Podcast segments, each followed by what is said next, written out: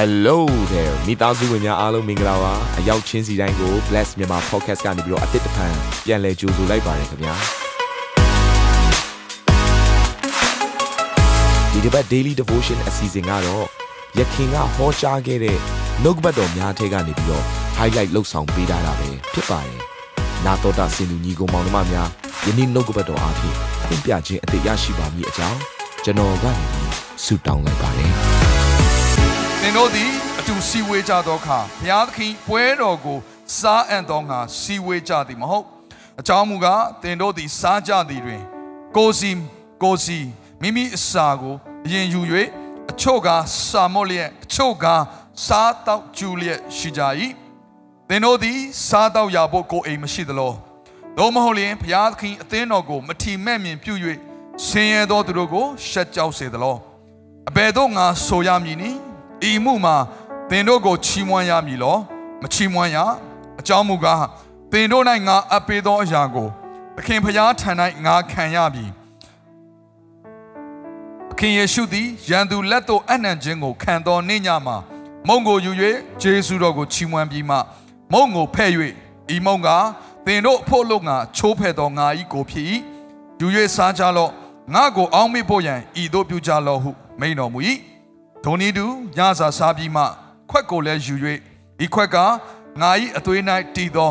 ဗြိညင်တရားသည်ဖြစ်၏ဤခွက်ကိုတောက်သောအခါခါငါကိုအောင်းမေ့ဖို့ရန်တောက်ကြလော့ဟုမိန်တော်မူ၏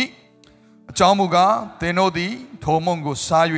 ထိုခွက်ကိုတောက်သောအခါခါသခင်ဖျားအသေးခံတော်မူခြင်းကိုကြွလာတော်မမူမီတိုင်အောင်ကြားကြ၏ထိုကြောင့်သခင်ဖျား၏မုံနှင့်ခွက်ကိုမထိုက်မတန်ဘဲ စားတောက်တော်သူမြည်သည်ကားသခင်ဖျား၏ကိုယ်တော်နှင့်အသွေးတော်ကိုပြစ်မှားရာရောက်၏တို့ဖြစ်၍လူတိုင်းကိုကိုကိုစစ်ကြောပြီးမှမုံကိုစားစေထိုနည်းတူခွက်ကိုလည်းတောက်စေအကြောင်းမူကားမထိုက်မတန်ဘဲစားတောက်တော်သူသည်သခင်ဖျား၏ကိုယ်တော်ကိုပိုင်းခြား၍မသိသောကြောင့်မိမိအပေါ်သို့အပြစ်ရောက်စေခြင်းကစားတောက်တော်သူဖြစ်၏ထိုအကြောင်းကြောင့်သင်တို့တွင် အာနေတော်သူ မကြမ်းမမာတော်သူအများရှိကြ၏ပေတော်သူအများလည်းရှိကြ၏ဆိုတော့ဒီကျမ်းစာကိုဖတ်ခြင်းအပြင်ဆိုတော့ကျွန်တော်ပြောခဲ့တဲ့เนาะအကြောင်းယုံခြင်းဆိုတဲ့အရာတွေဟာပွဲတော်မင်္ဂလာယူတဲ့အချိန်မှာပေါ်ပေါက်လာခြင်းဖြစ်တယ်ဆိုတော့ဒီအရာကိုဒီနှုတ်ကပတ်ကျမ်းစာဘာကိုပြောနေလဲဆိုတော့ကျွန်တော်တို့ရှင်းရှင်းလင်းလင်းသိဖို့လိုပါတယ်အဲ့တော့ဒီကျမ်းစာရဲ့ context လို့ပြောတဲ့ solo ရင်းကဘာလဲလို့ပြောမယ်ဆိုရင်ဘုရားเจ้าမှာအတူတကွစုဝေးကြတာအိမ်နေမှာအတူတကွစုဝေးကြတဲ့အချိန်မှာတဲ့မင်းတို့စုဝေးခြင်းဟာဘုရားကိုကိုးကွယ်ဖို့မဟုတ်ဘဲနဲ့ ပျော်ပွဲစားပုံစံပါတီလုပ်တဲ့ပုံစံအစားကျူဖို့နော်ပျော်ပွဲရွှင်ပွဲလုပ်ဖို့ပုံစံနဲ့လူတွေရဲ့ manner ဆိုပြောရမှာပေါ့နော်အမှုအကျင့်ကဘုရားကိုကိုးကွယ်ဖို့လာတာမဟုတ်ကြဘူးဆိုတော့ဘယ်လောက်ထိဆိုးသွားလဲဆိုရင်ပွဲတော်ကိုယူတဲ့အချိန်မှာပင်အစားကျူတဲ့သဘောနဲ့ပွဲတော်ကိုယူကြတယ်ဆိုတော့အဲ့တော့ကျွန်တော်တို့ကဒီလိုစဉ်းစားလိုက်တဲ့အခါကျတော့ဆရာရဲ့အခုဆရာကင်ထားတဲ့စပြည့်လေးနဲ့မုံလေးကင်လိုက်တာဘယ်နဲ့အစားကျူးရလဲအောင်မလဲနော် အာရောင်မကပ်ဘူးလို့ပြောစရာအကြောင်းရှိတယ်။ဒါကကျွန်တော်တို့အခုခေတ်မှာယူတဲ့အဆင်ပြေအောင်လူအများကြီးနဲ့ဘုရားကျောင်းမှာစုဝေးပြီးယူတဲ့ပုံစံဖြစ်လို့အခုလိုမုံအဝိုင်းလေးနဲ့စပြည့်လေးဒီလိုလောက်တာဖြစ်တယ်။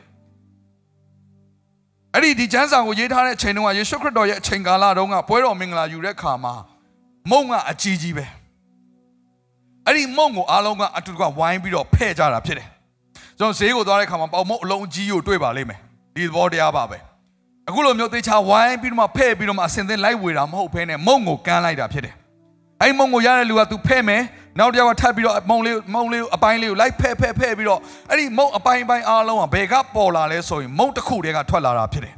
ဒီနေရာဖြင့်ပြောမယ်ဆိုရင်ယေရှုခရစ်တော်ဆိုတဲ့ကိုယ်ခန္ဓာတစ်လုံးတစ်ဝတည်းကနေပြီးတော့သင်နဲ့ကျွန်တော်အသီးသီးကိုစားပြီးတော့မုံအပိုင်းလေးတွေအပိုင်းလေးတွေကပွားများသွားတာဖြစ်တယ်အားလုံးကဘာမှပြန်စုလဲဆိုရင် မုံတစ်လုံးနဲ့ဖြစ်တဲ့ယေရှုခရစ်တော်ရဲ့ကိုယ်ခန္ဓာမှာပဲပြန်ပြီးတော့စုကြတယ်။အဲကြောင့်ချို့တွေကမုံကိုဖဲ့တဲ့အခါမှာဟာငါဗိုက်စားလိုက်တာအဲ့ချိန်တော့ပေါ့။ဟောဝခီးရတယ်ဝေးကြီးလာတခါတည်းမထူးတခါတည်းအဝစားထားလိုက်မယ်ဆိုတော့တခါတည်းမုံအကြီးကိုဖဲ့လိုက်ပြီးတော့အာရပါရစားတာမျိုး။အဲ့တော့ကအခုလိုမျိုးစပြည့်ဒီလိုခွက်လေးတွေနဲ့ ready made နဲ့မပေးပါဘူး။သူတို့စီမှာစပြည့်ရေအိုးနဲ့ခွက်အကြီးနဲ့ပေးတာဖြစ်တယ်။အဲ့ဒါကိုတယောက်တငုံလောက်တောက်တဲ့အချိန်မှာဟိုတယောက်ကအများကြီးနဲ့စားထားပြီးတော့ဘာဖြစ်ဒီချိန်တော့အရေအလှဲ့ရောက်ပြီ။ အဖတ်တော်ဝင်သွားပြီအဲ့တော့ငါချလိုက်မှကွက်ကွက်ကွက်ကွက်ဆိုတခါတည်းအစတွေကတောက်ချင်နေတဲ့တအုပ်စုတွေရှိကောင်းရှိနိုင်တယ်ဆိုတော့ဘပွဲတော်မင်္ဂလာကိုဝင်တဲ့ချိန်မှာပင်အဲ့ဒီနှလုံးသားအဲ့ဒီအမှုချင်းအဲ့ဒီစိတ်ဓာတ်နဲ့ဝင်တဲ့အခါမှာဒီအရာဟာဒီမုံဟာဘာကိုကိုစားပြုလဲဒီသူတောင်းနေတဲ့စပြည့်ဟာဘာကိုကိုစားပြုလဲဆိုတဲ့အရာကိုပိုင်းခြားနားလည်ခြင်းမရှိဘဲနဲ့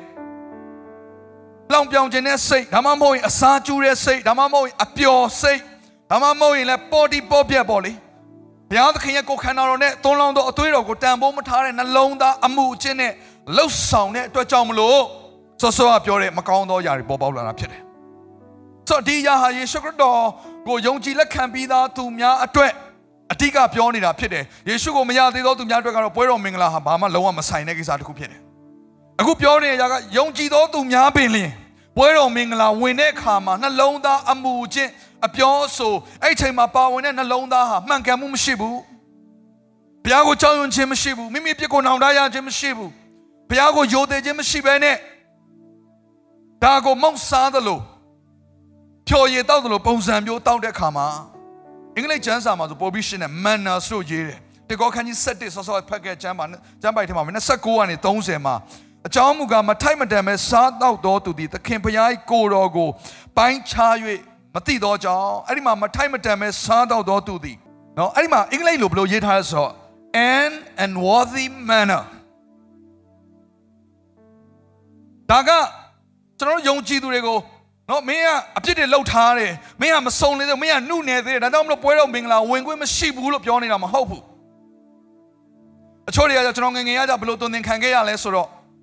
ပွဲတော်မင်္ဂလာမဝင်ခင်အချိန်မှာ အရင်ဆုံးဆရာတွေကလည်းရှေ့ကဥဆောင်ပေးတယ်ကဲအခုပွဲတော်မဝင်မင်္ဂလာမဝင်ခင်ချိန်မှာဒီချိန်မှာလောက်ရမယ့်ຢာတခုကတော့ကိုယ့်ရဲ့အပြစ်တွေကိုပြန်လဲစဉ်းစားဖို့ဖြစ်တယ်ဘုရားရဲ့ကောင်းမြတ်ခြင်းနဲ့မစဉ်းစားခိုင်းဘူးတေယုံဆရာကဘာစဉ်းစားခိုင်းလဲမိမိအဖြစ်တွေကိုပြန်စဉ်းစားဖို့ဖြစ်တယ်။အာအဲ့ချိန်မှာစဉ်းစားပြီးဆရာစောတီဟာစဉ်းစားပြီးအဲ့တုန်းကဆရာစောတီဟာမဟုတ်သေးဘူးလေ။ဟိုအောက်ထဲမှာပဲထား။အာအဖြစ်တွေလုံးမိတယ်။မိုင်းတယ်ပြန်စဉ်းစားလုံးဝမမှတ်မိတာအများကြီးရှိတယ်ဟာ။ဒုက္ခပဲမမှတ်မိဘူး။ငါဆက်ဝင်ကောင်းမလားမဝင်ကောင်းမလား။ ငါမှတ်မိတာတခုပဲ။မမှတ်မိတာတွေပုံများနေတယ်ဘယ်လိုလုပ်ရင်ကောင်းမလဲ။ဟာတော်တော်ဒုက္ခရောက်တယ်ပွဲတော်မင်္ဂလာဝင်တိုင်းမှာအဲ့တော့ကျွန်တော်နောက်ကြတော့ဘယ်လိုဆုံးဖြတ်လဲဆိုမဝင်တာပိုကောင်းတယ်။ဝင်စိတ်ဆင်းရဲလုံးအားကြီးလို့ကိုယ့်အပြစ်ကိုပြန်ပြီးတော့အဲ့ဒီအချိန်မှာစဉ်းစားတာတော်တော်ဒုက္ခရောက်တယ်ဘယ်နှယောက်ကစဉ်းစားခဲ့ဘူးလဲမသိဘူးအားလုံးကတော့ပြုံးနေကြတယ်အစီအစဉ်တော်လူတွေတော့စဉ်းစားမဲ့ပုံတစ်စက်မှမပေါ်ဘူးနော် ဒီရလူတွေစဉ်းစားတာဘုရားကောင်းမြတ်ခြင်းတွေဖြစ်တယ်ဟာလေလုယာဘုရားယေရှုပြုခြင်းတွေဘုရားရဲ့အပြစ်ခွင့်လွှတ်ခြင်းတွေအာမင်ဆိုတော့ကျွန်တော်ငယ်ရအဲ့လိုပဲကြီးခဲ့ရတာအပြစ်တွေစဉ်းစားဆိုစဉ်းစားကြည့်ပါသင်ကအပြစ်ကိုဘယ်လောက်စဉ်းစားနိုင်မှာမို့လို့လဲလူစွာကကိုမသိပဲလုံးမိတဲ့အပြစ်ကလည်းရှိသေးတယ်။သိလျက်နဲ့လုပ်တဲ့အပြစ်ကိုစဉ်းစားနိုင်အောင်တော့ကာယကံဝစီကံအဲ့မနောကံနဲ့ပြစ်မှားတဲ့အပြစ်ကိုကြတော့ဘယ်လိုလုပ်စဉ်းစားမလဲ။ဘယ်လိုလုပ်မှတ်မိနိုင်မလဲ။ ဖြစ်စင်တော့ပွဲတော်ကနေ့တိုင်းပေးတာလည်းမဟုတ်ပြန်ဘူးတစ်လားမှတစ်ချိန်တစ်လားစာပြန်စဉ်းစားတာမချောင်ဘူးနော်။နေ့တိုင်းဒိုင်ရီရေးသလိုလဲကိုကစည်ရင်ပြုစုထားတာမဟုတ်ဘူး။အဲ့လိုသာစည်ရင်ပြုစုထားမယ်ဆိုရင်အဲ့ဒီပွဲတော်လည်းဝင်ဖြစ်မှာမဟုတ်ဘူးအပြစ်ကိုစဉ်းစားနေတဲ့တနားကြီးကျော်လောက်ကြာသွားပြီ service တောင်ပြီးသွားလိမ့်မယ် ဆိုတော့အတိတ်ဘက်ကဘာလဲဆိုတော့ပွဲတော်မင်္ဂလာဝင်တဲ့ချိန်မှာ unworthy ဆိုတဲ့အဲ့ဒီမထိုက်မတန်ပဲဆိုတဲ့စကားလုံးဟာကျွန်တော်တို့အပြစ်လောက်ထားလို့မထိုက်တန်ဘူးဒါကြောင့်မလို့ပွဲတော်ဝင်ခွင့်မရှိဘူးကိုယ့်ရဲ့အပြစ်တွေကိုခါလေအပြစ်တွေလောက်ပြီးတော့ခါဒီပွဲတော်ဝင်ရင်အမင်္ဂလာဖြစ်မယ်အဲ့ဒါကိုပြောနေတာမဟုတ်ဘဲနဲ့ဘာကိုပြောနေတာဆို unworthy manner ယိုသေးလေးစားခြင်းမရှိတဲ့အမှုအကျင့်နဲ့စိတ်သဘောနဲ့ပွဲတော်မင်္ဂလာဝင်ခြင်းကိုပြောနေတာ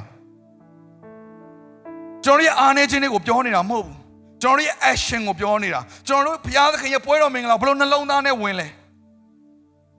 ဘုရားကိုချစ်ကျွမ်းဝင်ခြင်းနဲ့မိမိအဖြစ်တွေကိုနောင်တဘုရားသခင်ကျွန်တော်အဖြစ်တွေပြုမိတော်သူတွေတော်တော်လဲကိုတော်ကလဝါကားတဲ့ပေါ်မှာအသွေးတော်တကောအဖြစ်ကျွန်တော်ပြည့်ရှိများကိုစေကြောပြီးတော့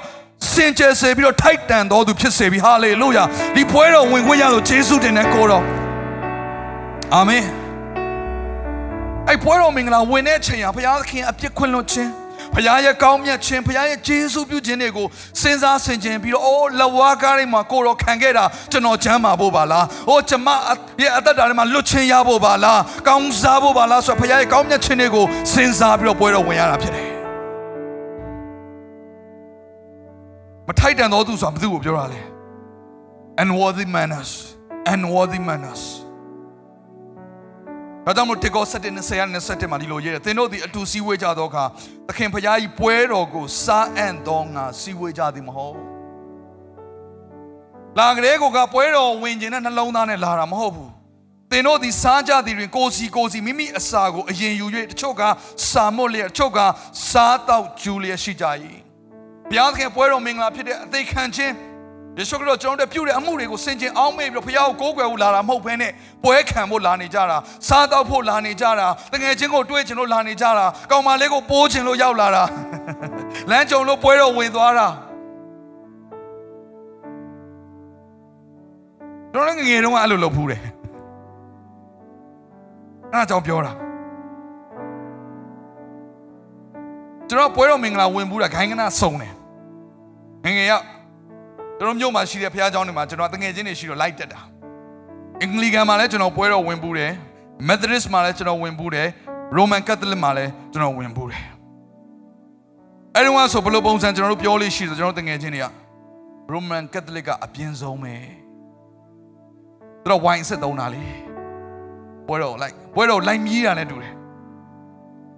ရိုမန်ကက်သလစ်ကအပြင်းဆုံးပဲကွာမူးသွားတာပဲတငုံလေးတောက်လိုက်တာ unworthy manner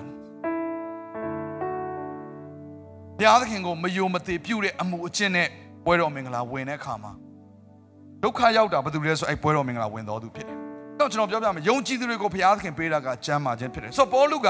ဒီနှုတ်ကပတ်တော်အဖြစ်ကျွန်တော်တို့ကိုဘာနားလဲစေလဲဆိုတော့ယုံကြည်သူတွေမှာမကျမ်းမာမှာဖြစ်ရတဲ့အကြောင်းရင်းအားနည်းစရာဖြစ်ရတဲ့အကြောင်းရင်းနောက်ဆုံးပြောမယ်ဆိုရင်အသက်အရွယ်သေဆုံးရမယ့်အချိန်မတိုင်ခင်မှာ သေဆုံးရခြင်းအကြောင်းအရာတွေဟာ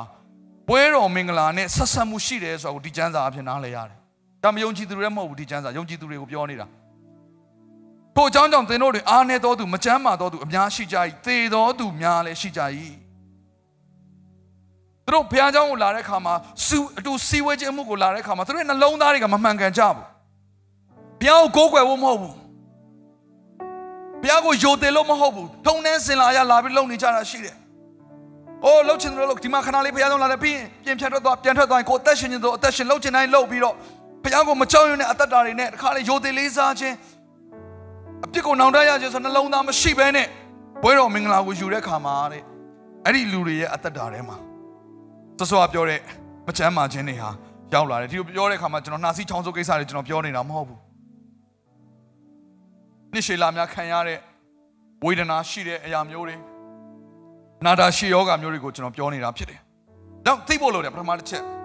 မထိုက်တန်သောသူဆိုတဲ့အရာကိုရှင်းရှင်းလင်းနားလည်ဖို့လိုတယ်။မဟုတ်ရင်ကျွန်တော်ပွဲတော်မင်္ဂလာဝင်တိုင်းမှာကြောက်ရွံ့ခြင်းဖြစ်နေလိမ့်မယ်။အဲ့တော့သတိရပါပွဲတော်မင်္ဂလာဝင်တဲ့အခါမှာငါဟာယေရှုခရစ်တော်ရဲ့အသွေးတော်နဲ့ရွေးဝယ်ထားပြီးပြီဖြစ်တော့ကြောင့်မလို့အမြင့်ဆုံးသောဖခင်ရဲ့သားသမီးဖြစ်တယ်။ထိုက်တန်သောသူဖြစ်တယ်။ဟာလေလုယာ။ဘုရားသခင်ပလင်တော်ခြေရင်းကိုရဲရဲရဲတိုးဝင်ဖို့ယေရှုခရစ်တော်ကလမ်းခင်းပေးပြီးသွားပြီ။ထိုက်တန်သောသူဖြစ်တယ်။အာမင်။ဒါကိုသိဖို့လိုတယ်။